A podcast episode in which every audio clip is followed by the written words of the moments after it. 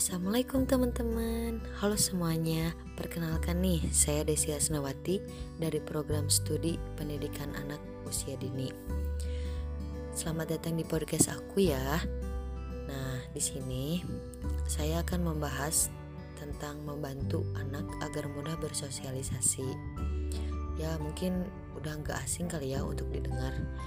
Tapi ini bermanfaat juga loh buat kita Kalian ya tentunya yang sudah mempunyai buah hati. Nah, percaya deh guys, saya di sini akan membahas sebuah topik yang mungkin menarik tentang pentingnya bersosialisasi. Nah, maka dari itu, siapa sih yang tidak ingin punya anak sehat, percaya diri, pasti mau kan? Nih, salah satu cara mendidik anak adalah dengan memberikan contoh. Contohnya seperti kalian berinteraksi dengan anak atau dengan orang lain dapat ditiru buah hati loh. Karena itu, pastikan kalian selalu beri contoh interaksi yang baik dalam bersosialisasi. Tanpa berlama-lama nih, di sini saya akan memberitahu cara mendidik anak untuk mudah bersosialisasi. Di sini ada enam poin yang akan saya jelaskan. Di antaranya adalah Poin yang pertama yaitu beri contoh positif. Gimana sih caranya beri contoh positif? Nah, beberapa anak punya insting atau bakat bersosialisasi yang baik. Mereka tidak akan ragu memulai percakapan dengan orang atau orang lain dan mudah bergaul. Ada pula anak yang lebih cenderung pemalu saat bertemu orang baru. Bagaimanapun, berikan beberapa contoh interaksi positif kepada sang anak atau buah hati kalian. Kalian bisa mengajarkan kalimat-kalimat pembuka percakapan yang mudah kepada anak. Misalnya nih, kayak Halo, nama saya Bulan. Nama kamu siapa? Atau halo, mau main? Nah, saat mengucapkan kalimat ini, kalian bisa gunakan intonasi positif dan ajarkan pula bagaimana bereaksi terhadap kemungkinan jawaban yang diberikan. Oke, poin yang kedua yaitu dukung pertemanan anak. Nah, dalam artian menjalin persahabatan adalah sarana yang tepat untuk mengembangkan keahlian sosialisasi anak. Jangan khawatir jika buah hati kalian tidak punya banyak teman, sepanjang ia masih punya beberapa teman dekat yang di sekitarnya. Nah, kalian juga bisa membantu menunjukkan dukungan dengan cara menanyakan kepada buah hati tentang temannya. Dorong dan pupuk pertemanan buah hati supaya ia semakin leluasa dan percaya diri berada dalam lingkungan sosial. Pada akhirnya, buah hati akan semakin membuka diri terhadap pertemanan lain. Selanjutnya nih guys, ada poin yang ketiga. Nah, di sini ada persiapkan anak. Apa sih persiapkan anak? Jadi, cara mendidik anak dalam hal bersosialisasi juga membutuhkan persiapan anak, terutama nih untuk skenario atau situasi tertentu. Misalnya, jika anak berangkat ke pesta ulang tahun atau area bermain, berikan beberapa tips kepada anak. Ajarkan cara mengucapkan selamat ulang tahun atau cara mendekati teman untuk mengajak bermain. Dengan demikian, anak tidak akan merasa grogi karena tidak tahu bagaimana harus bersikap dalam situasi tertentu. Selanjutnya nih, ada poin yang keempat, yaitu beri kesempatan bersosialisasi. Apa sih beri kesempatan bersosialisasi? Nih, bantu anak bersosialisasi dengan memberikan kesempatan untuk bergaul dengan anak lain jadi, kalian boleh berpartisipasi dalam komunitas orang tua dari teman sekelas anak. Namun, kalian juga harus bisa membatasi dan tidak terlalu mengontrol dalam pertemanan buah hati. Orang tua juga tidak disarankan langsung menengahi anak secara langsung saat bermain dengan temannya. Nah, sebaiknya supervisi dilakukan dari jarak jauh dan ajak anak berdiskusi tentang sesi bermainnya tanpa mengkritik. Nah, dari setiap kesempatan, sosialisasi yang Bunda ciptakan menjadi ajang pelatihan keahlian sosial yang baik bagi buah hati. Perhatikan gerak-gerik anak sambil mempelajari cara untuk semakin menen memantapkan kemampuan bergaul mereka. Selanjutnya, poin yang kelima adalah jadi panutan yang baik. Apa sih jadi panutan yang baik? Jadi, salah satu cara mendidik anak terbaik dalam bergaul adalah menjadi panutan yang bisa diandalkan. Orang tua juga harus menu mampu menunjukkan kemampuan menjalin hubungan persahabatan, baik dari yang sederhana seperti bertegur sapa, berinteraksi, dan beradaptasi dengan lingkungan sesama orang dewasa. Ajak anak untuk juga turut menyapa, memberi salam, dan mengucapkan kata perpisahan dengan sopan. Poin yang selanjutnya ada cari bantuan profesional. Tipe anak pemalu biasanya perlu bantuan kalian untuk bergaul. Bagi beberapa anak, masalah ini biasanya akan perlahan menghilang sambil bertambahnya usia. Namun, bagi beberapa anak, ketidakmampuan bersosialisasi bisa merupakan pertanda masalah yang lebih serius. Nah, jika anak memiliki masalah sosialisasi yang cukup mencemaskan, tidak ada salahnya jika kalian berkonsultasi kepada dokter anak. Kemudian nih teman-teman, di sini saya tidak hanya memberitahu tentang cara mendidik anak untuk mudah bersosialisasi saja, tapi di sini saya juga akan memberitahu tentang cara mengajarkan anak untuk bersabar. Nih guys, jika sang anak gelisah, merengek, bahkan marah atau bersikap tidak sabar terhadap suatu hal, kalian harus mengajarkan mereka untuk bersabar dengan lima cara yang akan saya beritahu kepada kalian saat ini. Poin pertama ada mulai sedini mungkin. Jadi, mulailah ajari kesabaran kepada anak dari usia dini bahkan ketika mereka balita. Contohnya nih, kayak meminta mereka tenang dan menunggu 1 sampai 2 menit ketika Bunda menyiapkan makanan atau susu untuknya.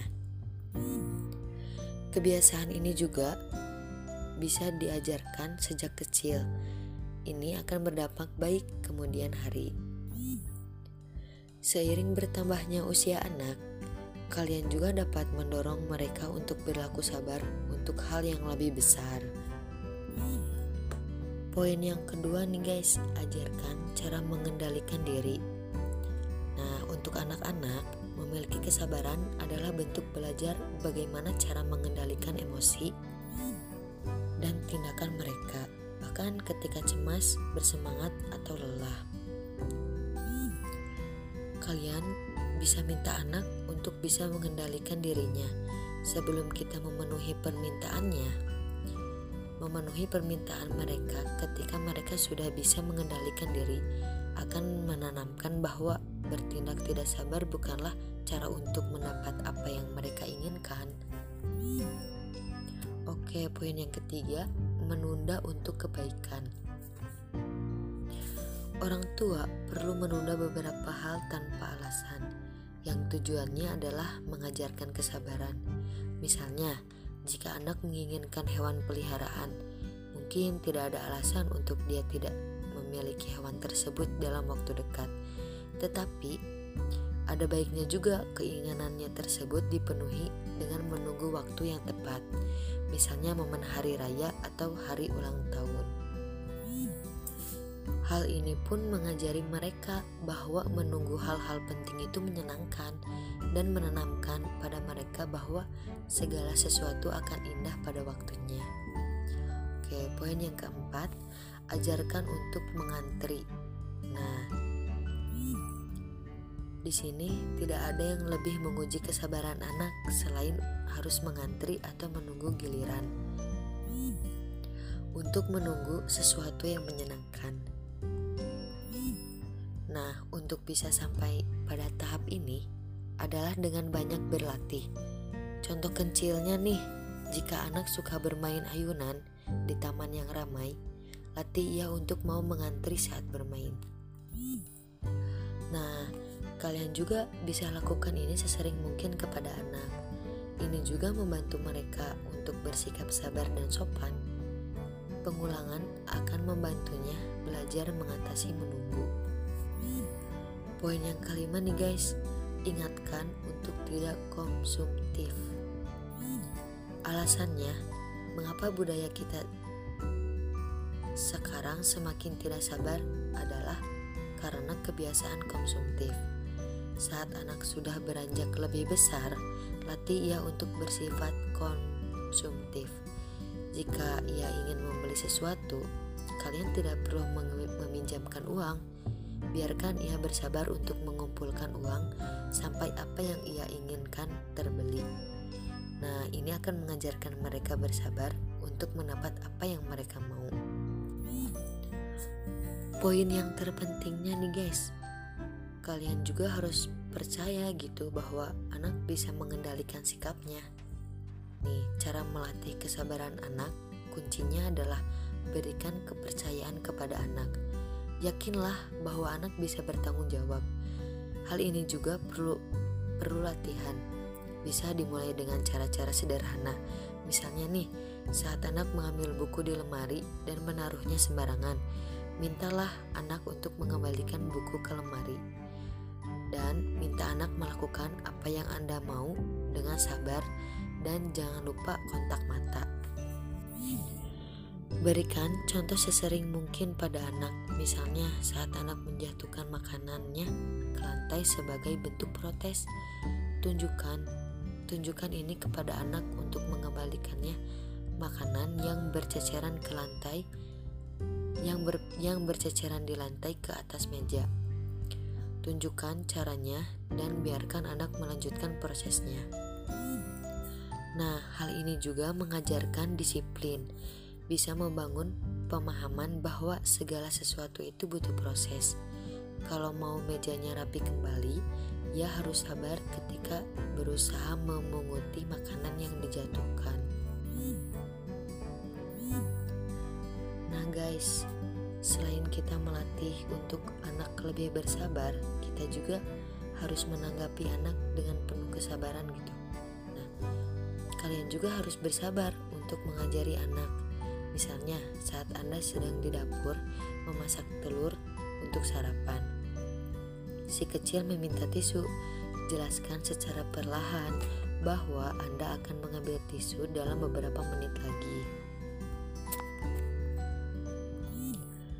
Atau saat Anda sedang sibuk melakukan aktivitas dan anak meminta sesuatu, tunjukkan kepada anak apa yang sedang Anda lakukan dan minta ia melakukan hal yang sama.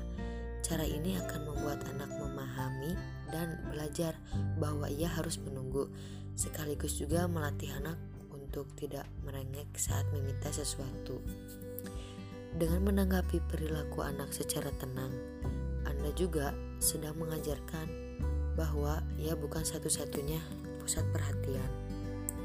Dan begitu, anak memahami bahwa ada hal bahwa ada hal lain di luar dirinya yang juga harus diperhatikan.